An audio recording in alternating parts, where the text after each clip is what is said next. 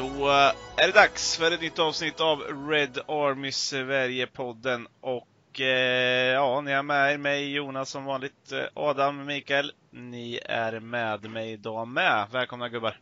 Yes! Tack ska du ha! Tack, tack! Hur har denna veckan behandlat er? Helt okej. Okay. Helt okej. Okay. Fan.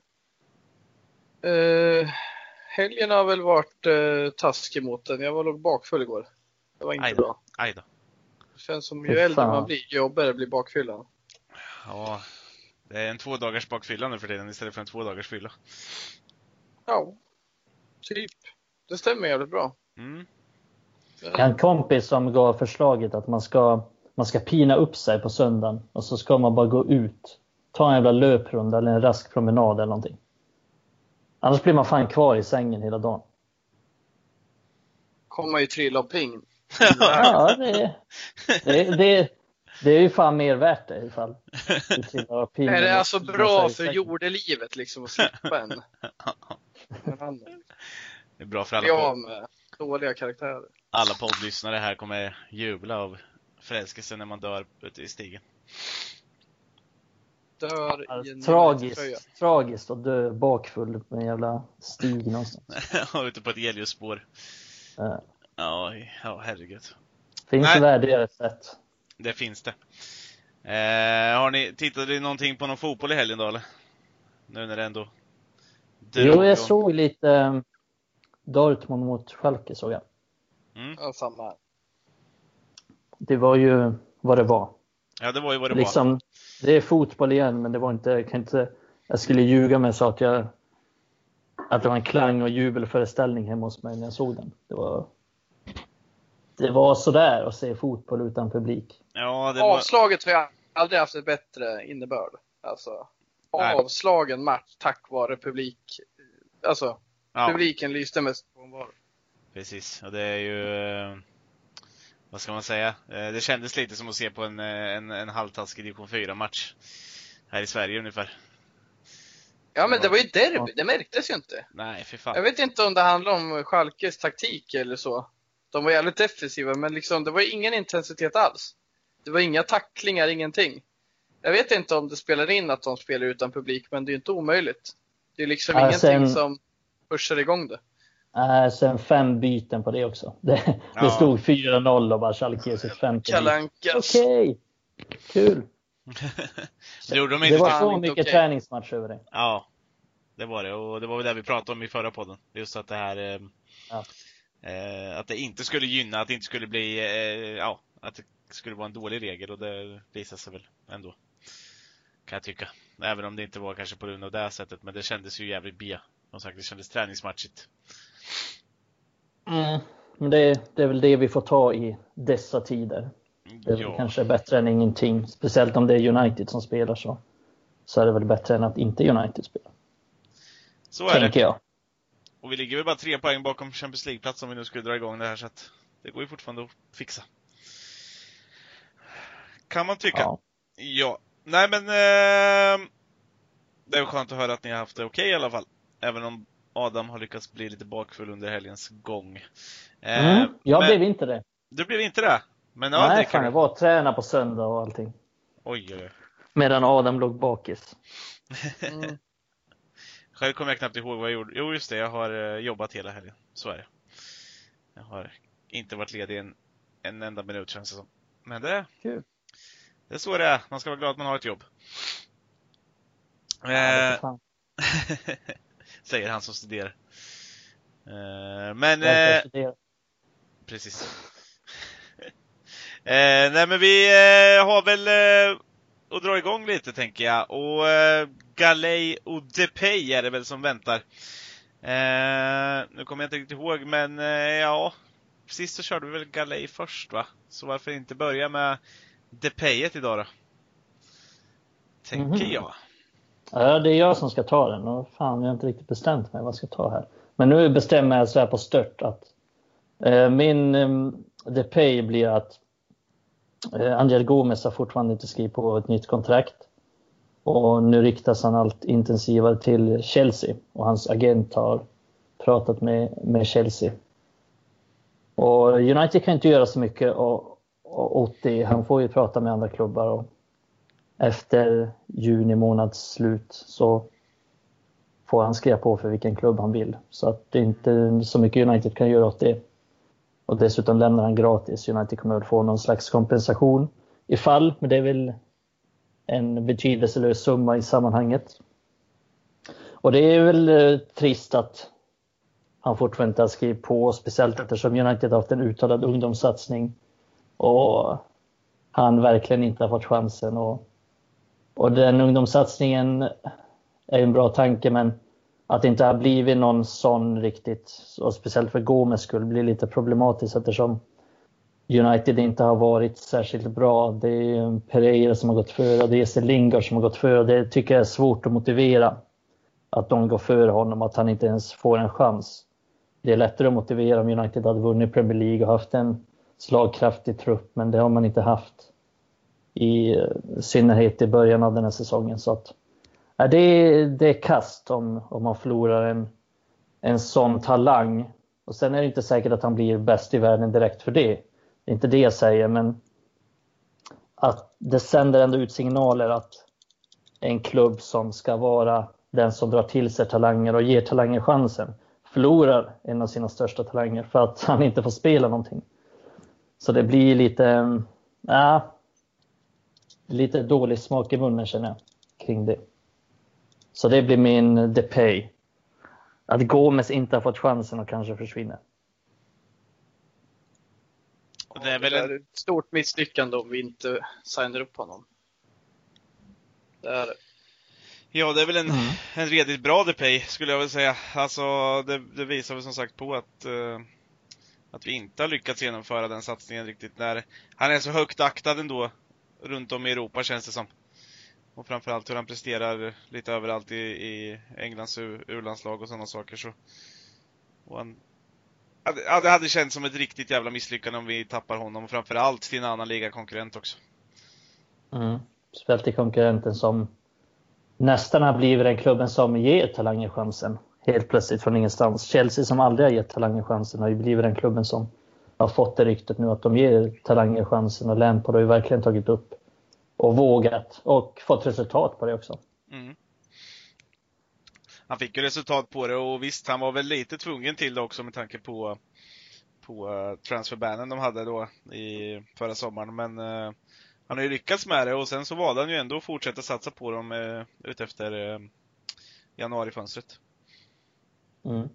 Han har ju petat många eh, mer etablerade spelare. Han valde att sälja David Luiz. Mm. Utan att tveka liksom så skeppade jag bort honom och satsade på mer egna talanger istället. Mm. Så han har ju ändå tagit aktiva beslut även fast han inte har kunnat värva några spelare. Yes!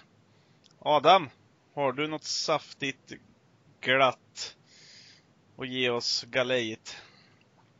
Ja, eh, veckans galej för mig går till Bruno Fernandes. Eh, jag läste en sak på Twitter som gjorde mig glad. Eh, United Report delade ett utdrag ur en intervju där, där kollegan Fred berättade hur direktiv från Bruno fått honom att växa. Och I intervjun så berättade han att i matchen mot Klubb Brygge så där han gjorde två mål och en assist så låg Brunos eh, coaching bakom succé den matchen. Då. Vi vann ju med 5-0 för de som inte såg den. Och själva rådet han fick i matchen var att liksom våga kliva framåt mer, ta sig in i straffområdet. Och där han eh, hänvisade till en United-legend, eh, Scholes då, som en gång i tiden verkligen idkade på att ta sig in i straffområdet. Eh, både på huvudet och med fötterna och göra mål och assist och så. Eh, och jag tycker det här är så jävla fint att läsa och jag ska komma till varför. Saken i sig, att han ber honom att ja, men våga kliva in i straffområdet. Det är en till synes rätt liten grej. Det är liksom ingenting som eh, jag tror är liksom något som gör honom till den han är idag. Fred, eller Fernandes för den delen, som coach. Att liksom coacha sin lagkamrat. Men jag tycker att det, det, är så mycket som jag ser, så bara med att Fernandes är med i laget gör att vi höjer oss mentalt. Då. Och, ja, men det är fantastiskt att höra hur liksom lagkamrater kan coacha varandra till förbättring. Och utöver mål, assist, fasta situationer så tror jag att Bruno får folk att tro på det här på ett annat sätt än de gjorde innan. Och eh, för mig är det liksom starkt ledarskap.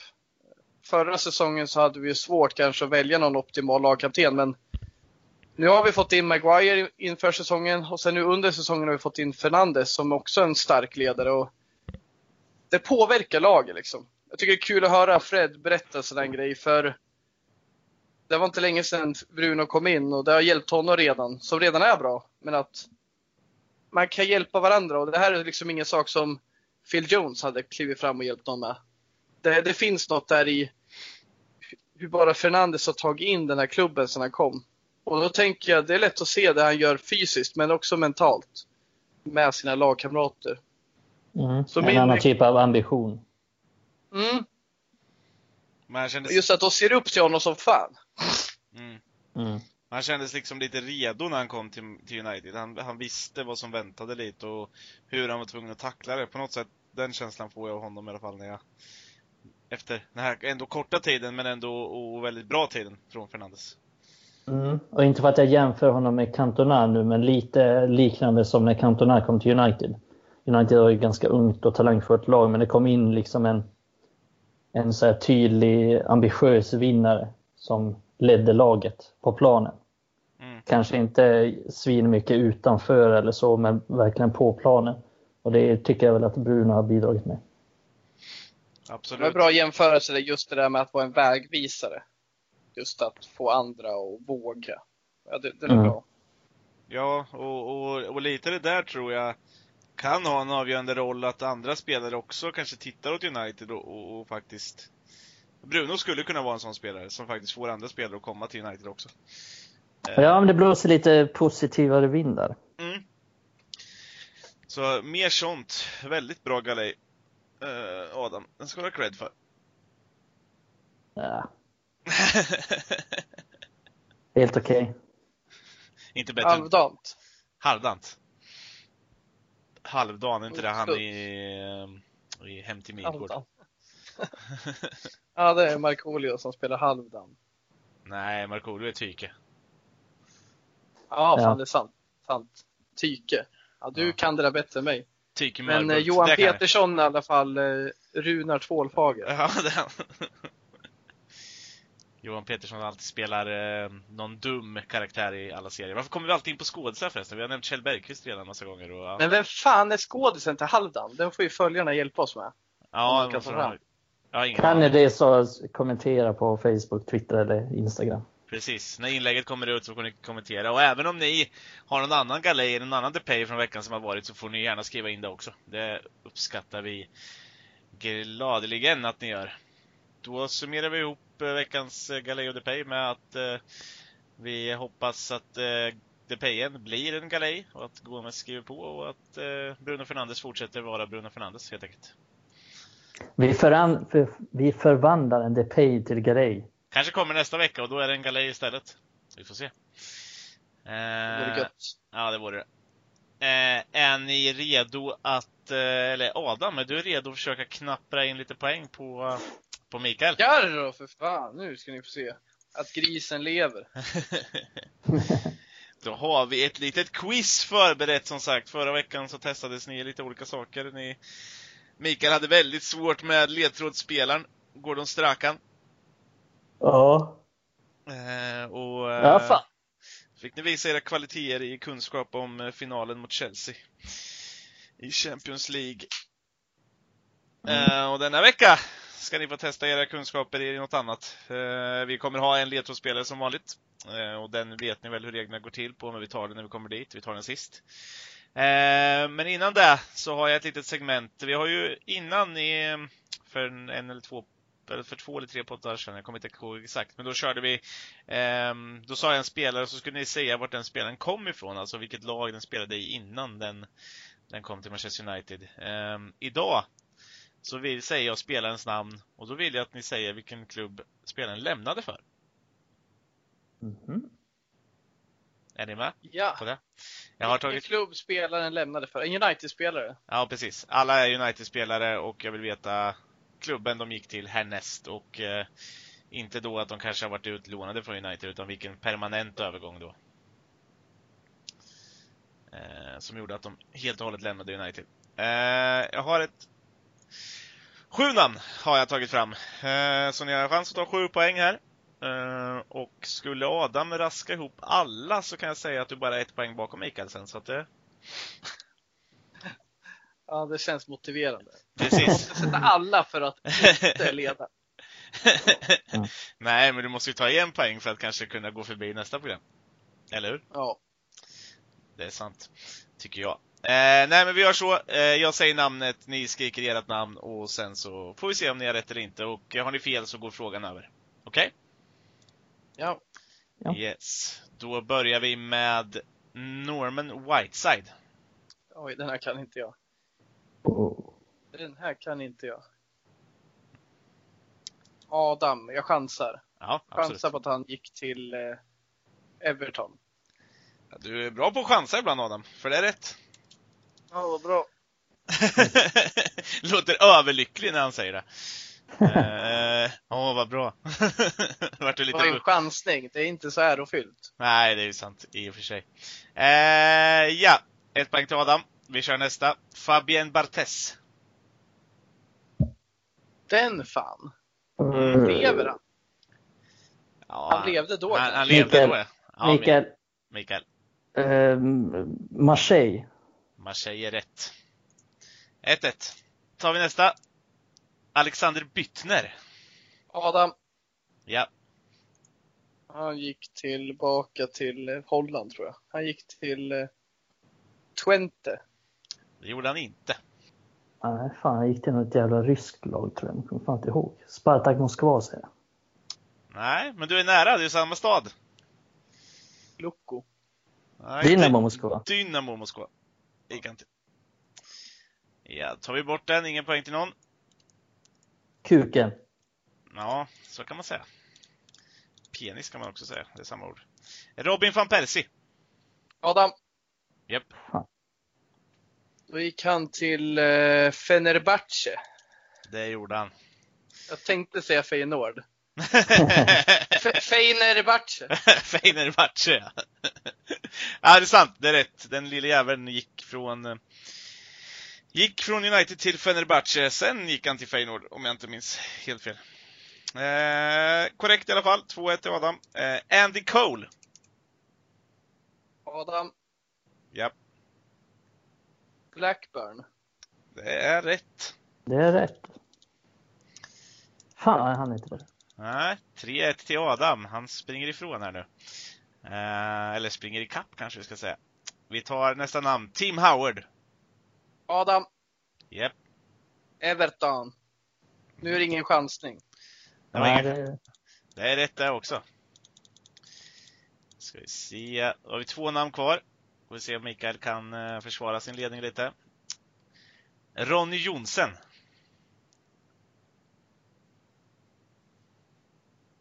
Aj. och Mikael. Ja, Ja, Aston Villa. det. Adam! Ja, Mikael har rätt. Han hade rätt. Ja, fan. Jag visste att han var i Newcastle efter, så det är där jag tänkte chansa på. Ja. Ja, ja, han gick till Aston Villa först. Eh, så det, det stämmer. Den gode norrmannen sprang iväg till Aston Villa och Birmingham. Nu ljög jag inte. Nej, nu sa jag rätt. Eh, Ja. nej, jag, nej, jag, ibland blir jag dum i huvudet. Eh, nästa spelare så tar vi uruguayanen Diego Forlan. Adam. Ja. Villarreal. Villarreal är korrekt. Fan vad jag fick ångest där. Jag tänkte, var det inte Atletico Madrid? Helvete. Jag tror att jag hade rätt. Var kom han från innan? Han kom väl från eh, i Argentina va? Eh, Ja, men då var det ingen europeisk klubb. Så, ja. nej. Inte eh, till United väl? Jo. Jo, gjorde han fan. Eh, Ja, skitsamma. Kanske han gjorde. Jo, jag tror det. Independiente eller någonting sånt där kom han från. Mm. Kan stämma. Han gick till Madrid. Eh, Succé va? han gick från, Atle- eh, från Villarreal till Atletico sen i alla fall. Efter han hade varit i United. Mm. Ja. Uh, ja, 5-2 till Adam efter uh, första segmentet och vi hoppar över till uh, ledtrådsspelaren. Det sista Mm. segmentet i quizet egentligen. Uh, där vi har en spelare och som vanligt har vi en ledtråd för 5 poäng, 4, 3, 2 och 1 poäng. Och eh, ni säger ert namn, ni tar upp era mobiler, ni skriver till mig. Eh, ni har två chansningar. Eh, så eh, ni kommer ihåg reglerna och ni är med på vad jag menar. Ska vi skriva till dig på Messenger eller. Lunarstorm den här gången? Ja men ta uh, bilddagboken. Då. Skunk blir det. ja, Gäst, om vi skriver gästboken på Lunarstorm, då kan jag se vad han skriver. ja, precis. Privat. Ni kan lägga till Super Roller Skaterboy 90 så, eh, så, så kör vi på det sen. Eh, ja, men i alla fall. Vi har tagit, jag har tagit fram en spelare här. Eh, får vi se om eh, Mikael vet att han har spelat i United den här gången. Eh, 5-2 till Adam i alla fall efter första segmentet och han har knappat in lite poäng. Det är ju alltid kul för den totala tävlingen. Men ledtråden för 5 poäng. Eh, förutom mitt eh, normala namn då, så heter jag i mellannamn Johan. Måste få med det. Eh, och är nuvarande förbundskapten för Ecuador.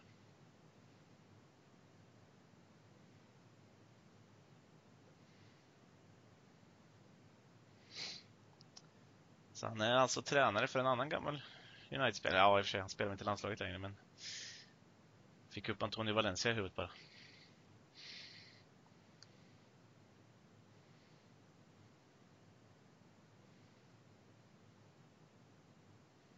Det är väldigt tyst på mig herrar.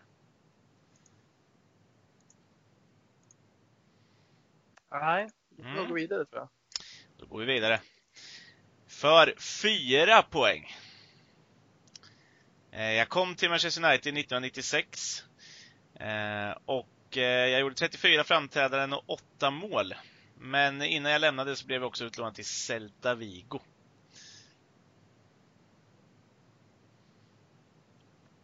Mikael.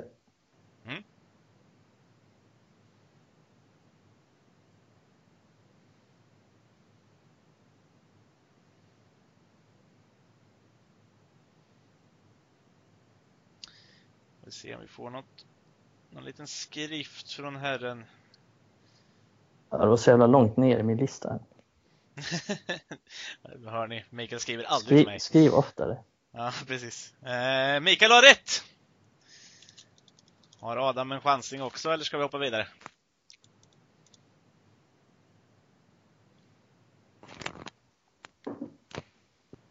Adam verkar inte ha någon chansning.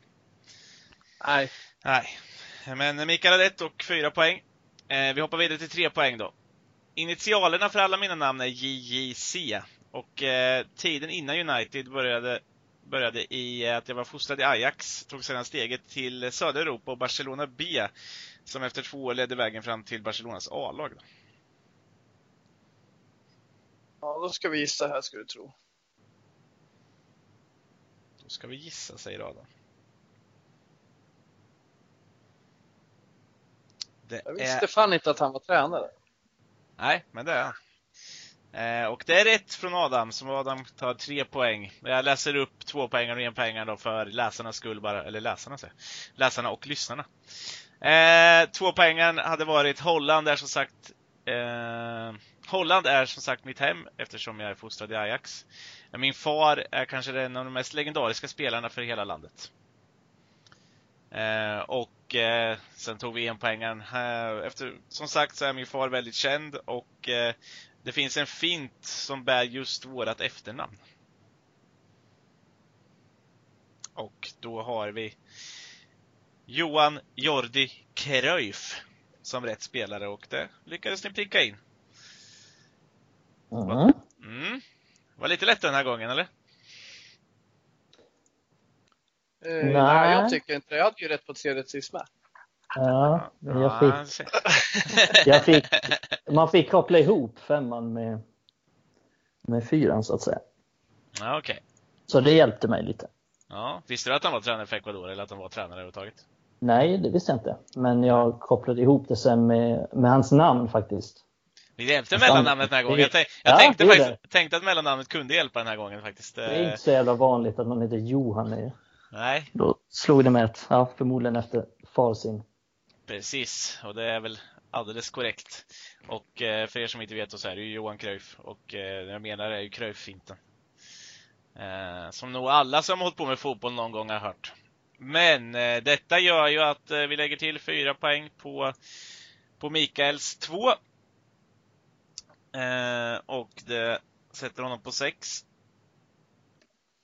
Och så sätter vi eh, ytterligare tre poäng på Adams fem som ger honom åtta.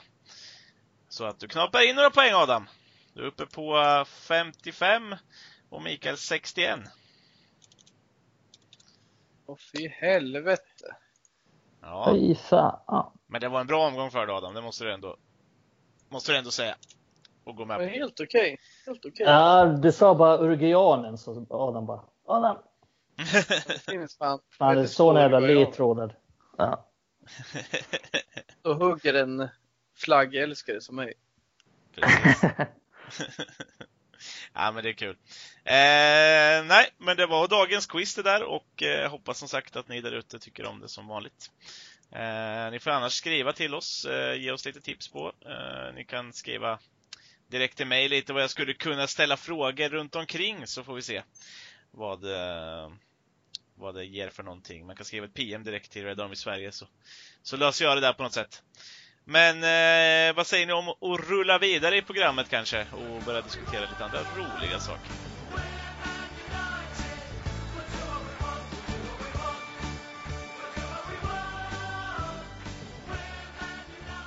Ja, då tänkte väl jag egentligen ställa en, en fråga rent öppet sådär. Vi det är inte säkert att vi får se så mycket mer av eh, Manchester United den här säsongen eh, och någonstans så vill man summera ihop det lite också och eh, tanken som har slagit ja, alla oss tre tänker jag väl är väl vem skulle man kunna utse till säsongens spelare eller årets spelare i, i Manchester United?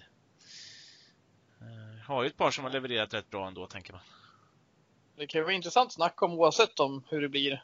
Mm, Det har ju precis. gått en bit av säsongen och så vidare. Säger ni? Mm. Vi har ju ett par spelare ändå som man kan säga har levererat rätt bra. Man kan ju namedroppa hur många som helst. eh, Eller hur många som helst. Men vi har ju spelare som har som dels har tagit, eh, det är lite hur man vill motivera det. Det är spelare som har tagit steget till att blivit mycket bättre den här säsongen. Sen om det räcker till att vara säsongens spelare. Sen har vi spelare som har tagit på sig en, en annan typ av roll och gjort det väldigt bra.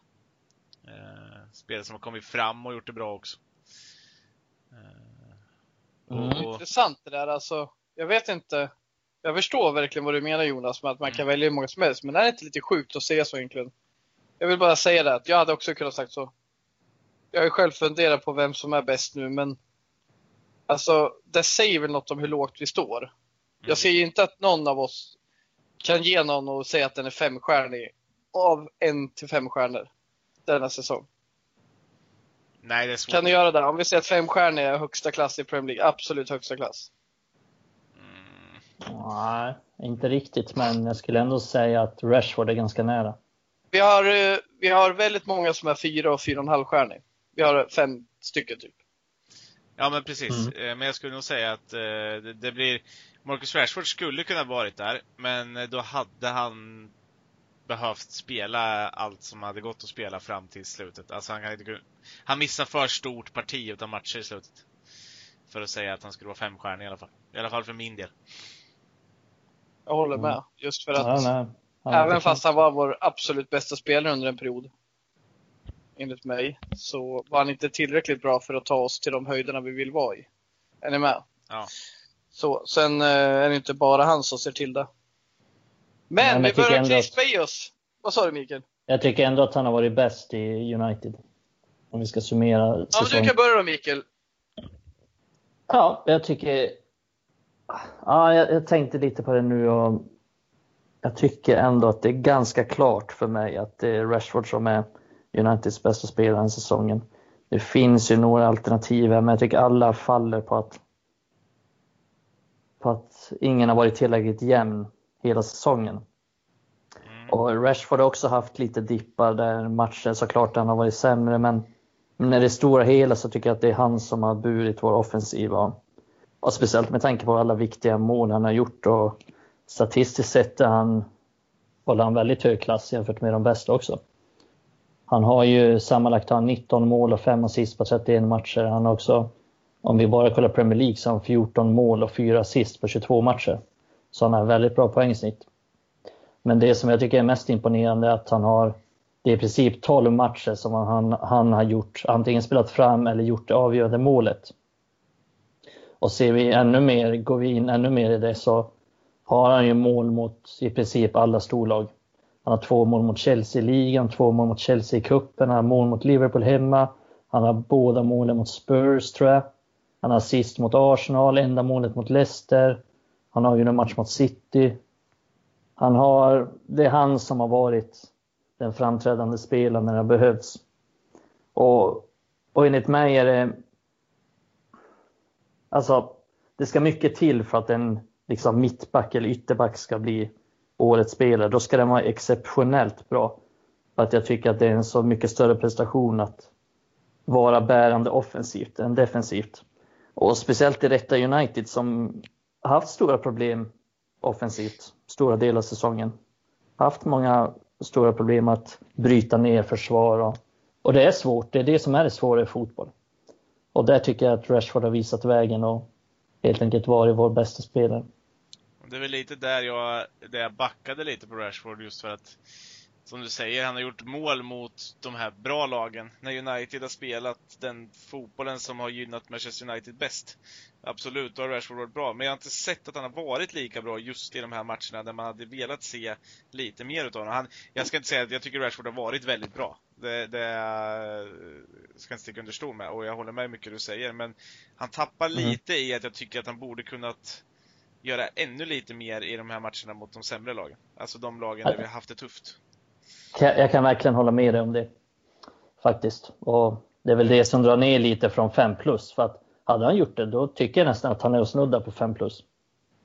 Men det har han inte riktigt gjort. Han har varit, kunnat försvinna lite i, i de matcherna.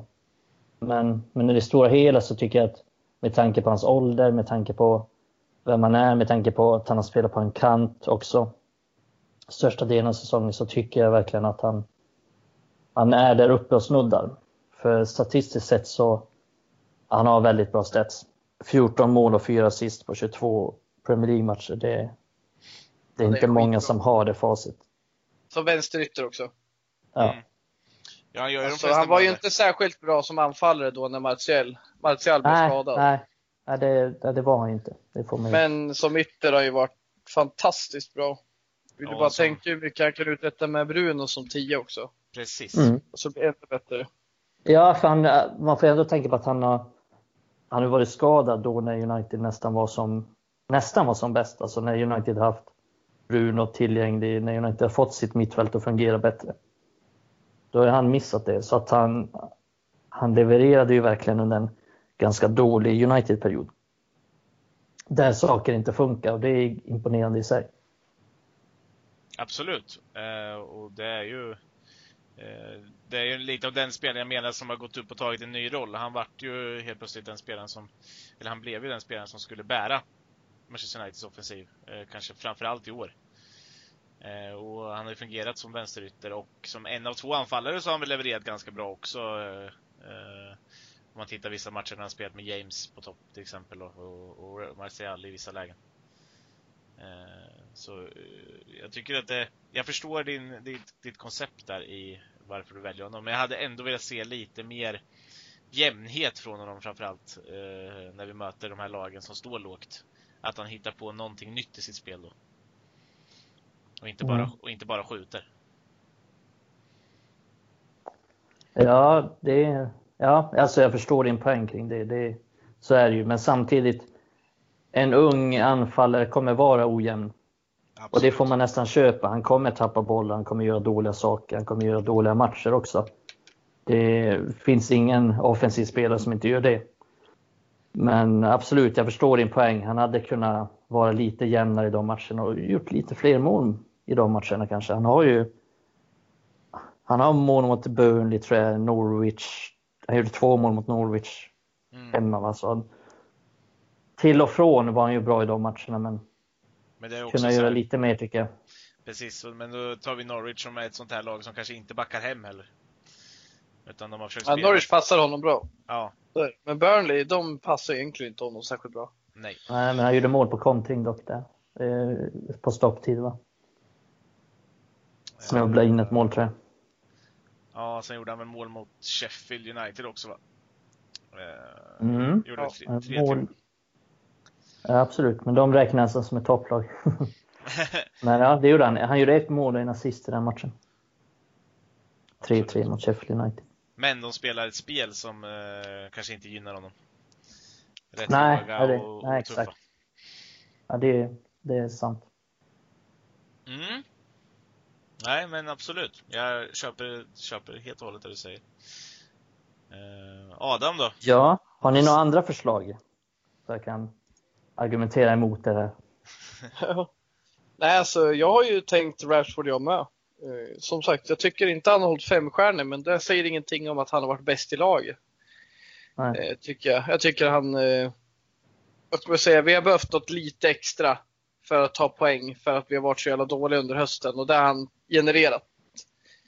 Sen hade vi en rätt dålig period när han skadade sig innan Bruno kom in och rä- rättade upp det.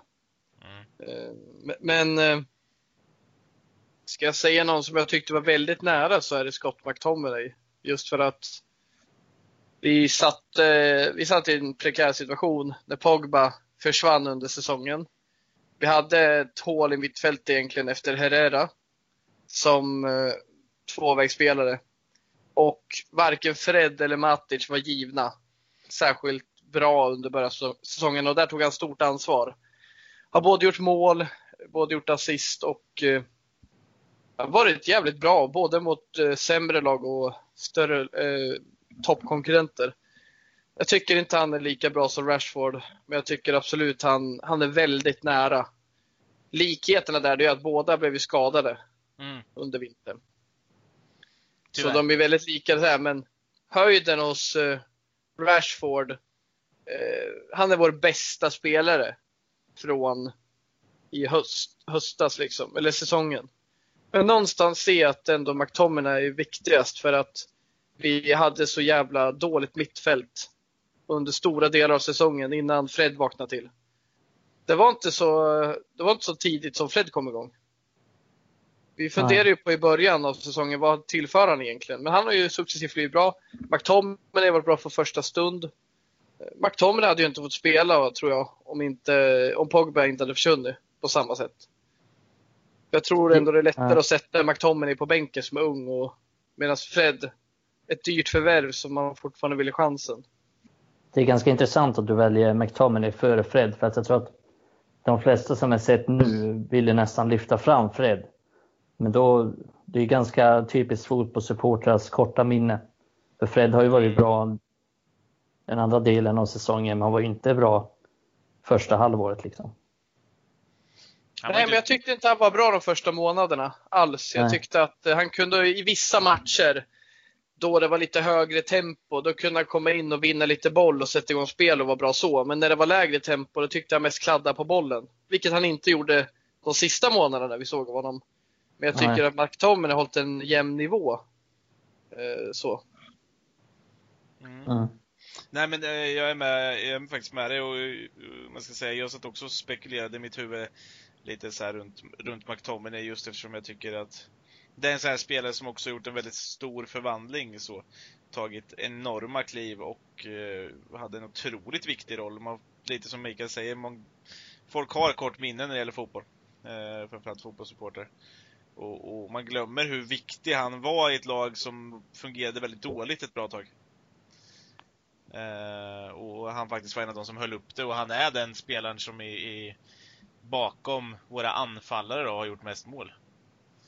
Eh, och det kommer vi alltid behöva från mittfältare.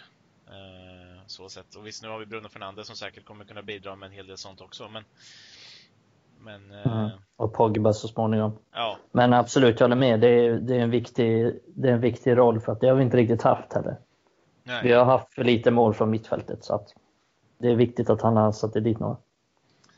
Så är det och, och, och det kommer alltid vara viktigt. Och Nej, men jag, jag köper att ni väljer Rashford och, och det enda som fick mig att inte välja Rashford, jag, jag, jag är med egentligen på vad du säger med att det är svårt för försvarare. Men någonstans, när jag motiverade runt i mitt huvud när jag skulle välja vem jag tycker har varit bäst, så, så fick jag gå på den jag tycker har varit jämnast under året. Eh, och den som har ju gett Manchester United en av de största förvandlingarna. Eh, och ja, han saknar visserligen vissa saker, men eh, ytterbackar blir viktigare och viktigare och jag kan inte undvika att säga här om Van Bissaka. Eh, I hur avklädande bra han har varit som, som, def, alltså som ytterback. Och, och, att han ändå tar steg för steg framåt också. Han har gjort några assist. Eh, till skillnad från en, en Luke Shaw till exempel, eller Brandon Williams. Nu har Williams i och för sig gjort ett mål, men men eh, någonstans landar det i, i Wan-Bissakas statistik rent defensivt. Han är ju topp i ligan och, och femstjärnig rent defensivt. Saknar visserligen lite offensivt, men han har varit klart den jämnaste spelaren i Manchester United under året. Det kan jag hålla med om att han har varit, men jag ser det lite så här. Visst, han har hållit en jämn nivå, men jag tycker inte han har varit han, för mig måste en ytterback i United göra mer än vara bra på försvar. Jag ser inte som en jättestor konst att han är bra på att försvara. Men han är ju inte bara bra, eh. han är ju extremt bra.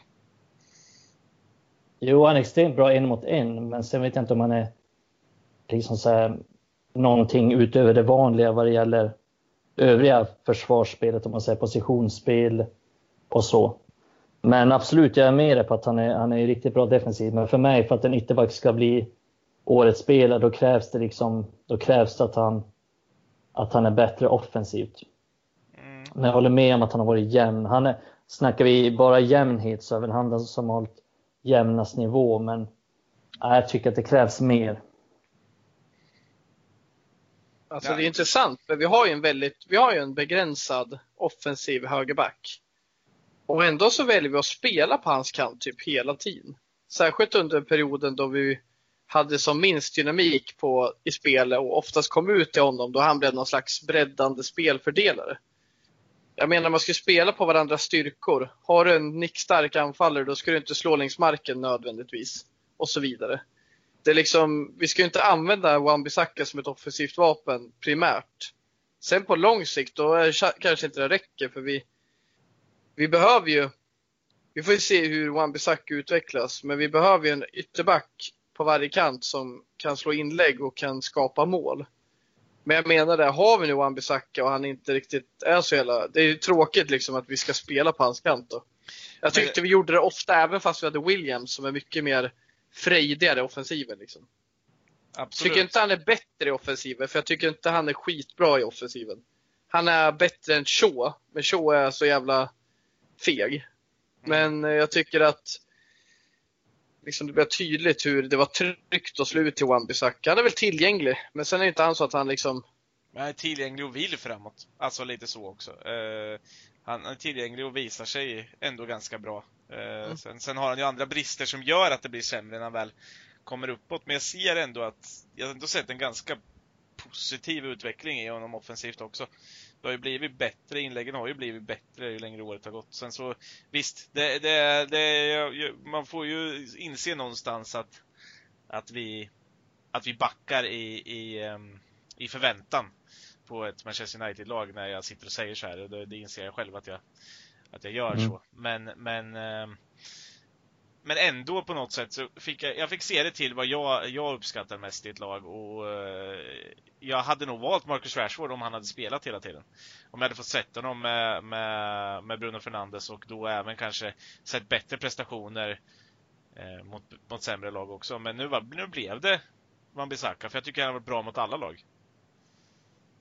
Eh, och han har ändå bidragit med några assist och det är mer än vad än vad både Shaw och Williams har gjort på andra sidan. Visserligen fått mer bollar, men han har ändå spelat med en, en Daniel James som, som inte har, som kanske inte är den, alltid den lättaste spelaren att spela med där ute heller, rent offensivt. Eh, så det... Nej, de kompletterar inte varandra bra på den Nej. kanten. Inte jag. De, är, de är, båda ska slicka linjen liksom. James, alltså de vill slicka linjen. De ska mm. inte det. Man vill ju ha någon som bryter in lite mer Precis. Då hade till exempel Mata gynnat mer att ha som bollspelare. Mm. Men James vill själv gå i djup och slå inlägg. Och ingen av dem är de bästa passningsspelarna.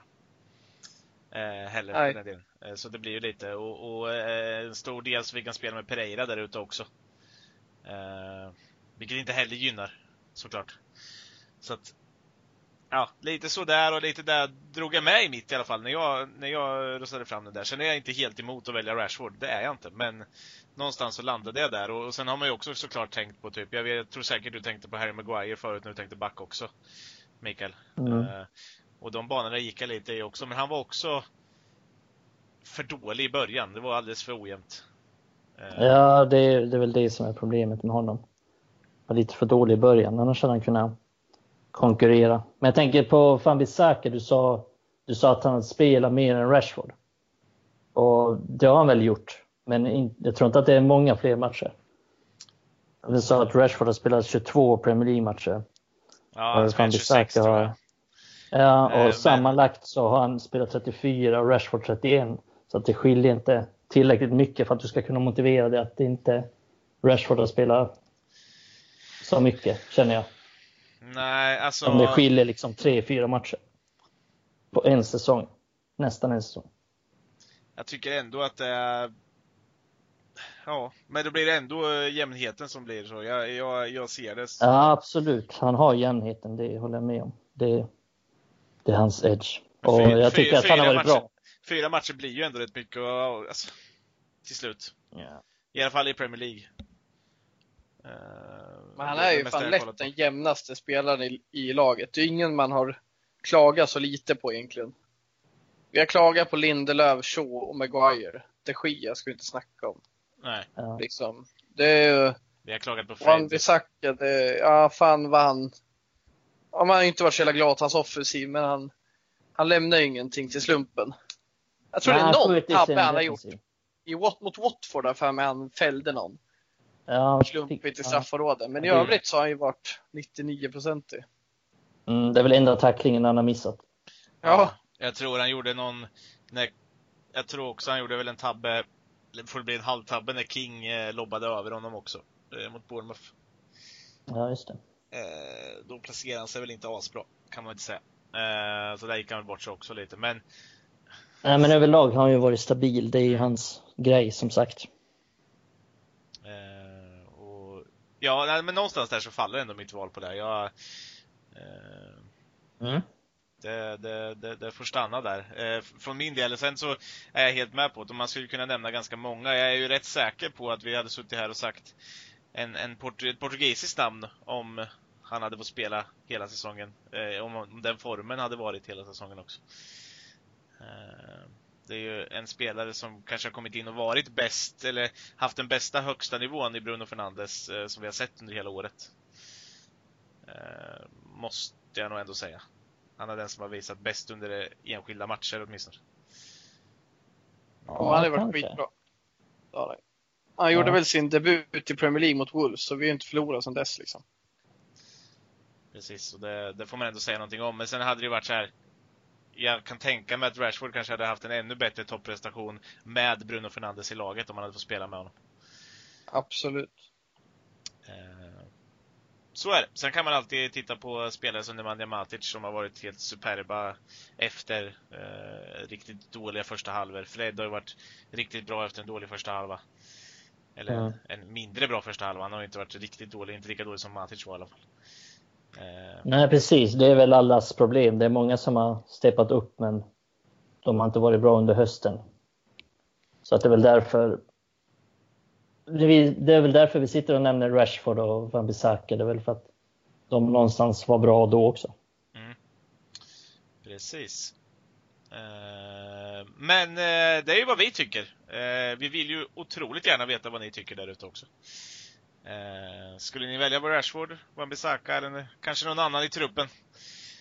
Så eh, är ni varm- varmt välkomna att skriva det till oss.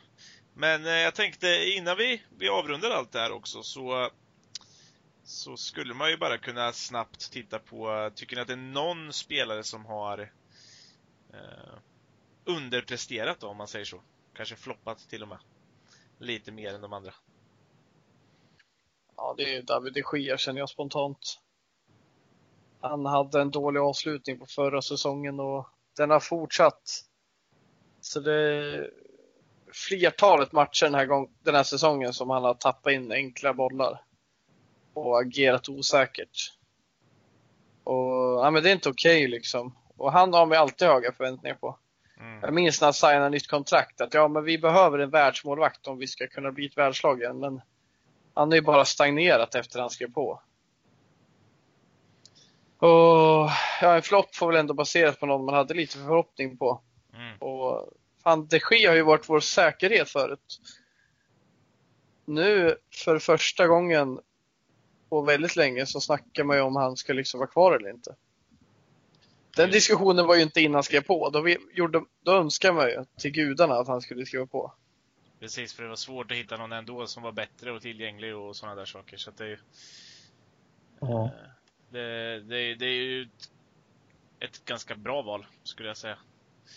Eh, De Gia har ju allt Sen eftersom han har levererat på den höga nivån han har haft så måste man ju säga att han måste ha höga förväntningar på sig också.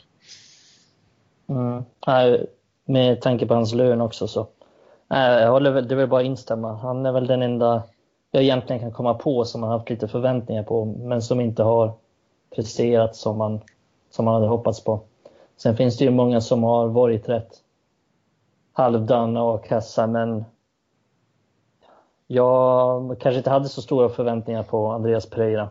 Nej. Jag hade väl inga direkta förhoppningar om att han skulle vinna Ballon d'Or efter den här säsongen och det har han sannerligen inte gjort heller. Så. Nej, man hade inga förväntningar på Marcos Rojo heller. Alltså... Nej, precis. Alltså, det är väl så jävla låga förväntningar på alla så det är svårt att hitta någon flopp på så sätt. Ja. Men om vi gräver i det lite så Dalot kanske en liten besvikelse. Hade ja. inte så stora förhoppningar på honom heller, men det hände absolut ingenting där. Spelar var 17 match och går mest skadad och tycker aldrig han imponerar när han spelar heller. Så det är en liten, ja, jag vet Nej, men, alltså. Jag tycker personligen inte det är så stor besvikelse, men han, man kanske förväntar sig mer med tanke på att men köpte honom för ganska dyra pengar ändå. Precis. Och han liksom, det blir ju inte bättre för varje gång han spelar heller, även om han spelar på 17 match. Det är nästan så att man hittar fler och fler brister hos honom. Ja, precis. Det har inte skett någon utveckling där. En spelare, eh, så... det är en spelare som, eh, som, som man ändå när han värvades och man fick se honom några gånger trodde att ja, men det här skulle kunna bli någonting bra. Men det är lite som jag vet att Adam har sagt väldigt länge, att jag tror nästan han är... Ska han utmana någonstans och få någon speltid så är det nästan som högerytter i så fall. Och inte ens där är han ju tillräckligt bra för att och, och, ja, knappt vara reserv i United. Nej, det är väl lite hans problem. Han är för dålig defensivt som ytterback och som yttermittfältare är han förvisso okej, okay, men det är ju såklart ingen tillräcklig, han har ingen tillräcklig kompetens där för att spela Manchester United. Nej. Det är väl någon slags wingback som man skulle kunna funka okej okay i. Men nja, men då måste ju leverera fanns, när man spelar. Ja, det fanns svårt defensivt mot Tranmere. Mm. Ja, precis. Den matchen. Jävlar vad ja. bortgjord han blev så här, första tio minuterna. Det var deras striker. det känns som att han kan vara dålig försvarare, visst. Han kan vara dålig på liksom man-man och sådär, men alltså när han väl får inlägg så är han ju för dålig också. Så mm. jag tror att hade han levererat lite hade man sett lite hopp om honom som yngling, men jag ser inte hans kompetens. Jag ser inte vad han är riktigt bra på. Det hyfsade ja. han på att driva fram bollen. Men han är inte tillräckligt bra dribblare heller. Nej. Fan, han är någon slags jävla futsalspelare eller någonting. Ja, knappt det. ja, men där kan jag nog se att han har någon kompetens. Men här... Ja, men han har ju... Han håller inte riktigt United. Nej, men han har ju bra teknik och sådana där saker och så, men det, det, ska man väl ändå ha på den där nivån. Eh, och, och ska man utmana om någonting. Men han är inte, jag håller verkligen med Adam, jag ser inte någon topp någonstans. Jag ser väldiga brister och så ser jag några okej okay, eh, egenskaper. Han är snabb som fan när han får upp farten. Mm. Han har vunnit, eller kommit i topp så här någon gång i Uniteds topphastighetstest. Mm. Men men det ser man inte mycket av på matcherna såklart eftersom det är sällan en ytterback tar sådana löpningar där det är nödvändigt. Precis. Eh, jag, jag, måste namedroppa en till, bara för så, för jag tycker ändå att jag hade förväntat mig lite mer ifrån den spelaren. Inte jättemycket, men, eh, men Juan Matas prestationer har ändå varit för mig under den nivån jag trodde han skulle ligga på som en rutinerad spelare i Manchester United. Är det så? Jag hade fan inga förväntningar på honom just för att han var ju nära på att lämna inför säsongen. Jo, men det var han ju. Men, men, men ändå att det skulle varit att det skulle bli så dåligt. Vi trodde ju ändå att ja, men han kan vara användbar som rotationsspelare och gå in och göra okej okay insatser, men det har ju till en början och framförallt visst, efter, efter januari, januari där, eller i januari så blev det lite bättre. Han gjorde någon bra, eh, någon riktigt bra match i Europa League eller vad det var. Eh, mm. Men innan dess så var det ju katastrof. Han hade ju knappt slagit en genomskärare som offensiv mittfältare och eh, ja, det var ju riktigt dåligt alltså. Mm. Enligt mig. Ja, men han precis en av många tior som mm. inte kunde leverera. Nej, Matta har inte varit särskilt bra. Nej, men jag håller lite med Adam där. Jag hade inte så höga förväntningar på honom heller, men jag förstår ändå din poäng Jonas. För att han...